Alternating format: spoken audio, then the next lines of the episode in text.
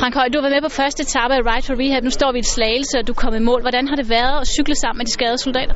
Jamen, det har jo været en øh, fantastisk oplevelse. Det er jo nogle øh, drenge, som øh, har nogle øh, udfordringer derude, og de har kæmpet, og der er ikke en af dem, der piver, så jeg må sige, øh, jeg bøjer mig i støvet for de her drenge. Det er nogle, nogle seje gutter, så, så stor respekt, og også stor respekt for hele initiativet, at de støtter deres psykisk sårede kammerater og samler ind og gør opmærksom for det. Så det er det meget, meget flot arrangement, som jeg er meget stolt af at, at have deltaget i i dag.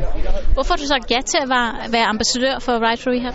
Jamen altså, jeg brænder jo selv for, for cykelsporten som sådan, men også for, at folk skal komme ud og opleve alle de gode ting, der er ved at, at, at dyrke motion og leve en aktiv livsstil, øh, og blandt andet skabe netværk. Øh, og lige netop nogle af de her drenge med, med, med psykiske skader, de, de kunne jo også godt have god nytte af at komme ud, ikke nødvendigvis at cykle, men, man får skabt nogle netværk, så de kan komme ud og være aktive øh, og forvente denne her negative spiral. Så, øh, så derfor vil jeg meget gerne bakke op om det her. Hvordan ser du på idrætten som øh, værktøj til at rehabilitere skadesoldater? Jamen altså, lige netop øh, psykisk sårede soldater, som meget let kommer ud og bliver, bliver socialt isoleret, der er det jo en fantastisk måde at binde mennesker sammen på, så jeg ser lige netop idrætten som et fantastisk redskab til netop den opgave.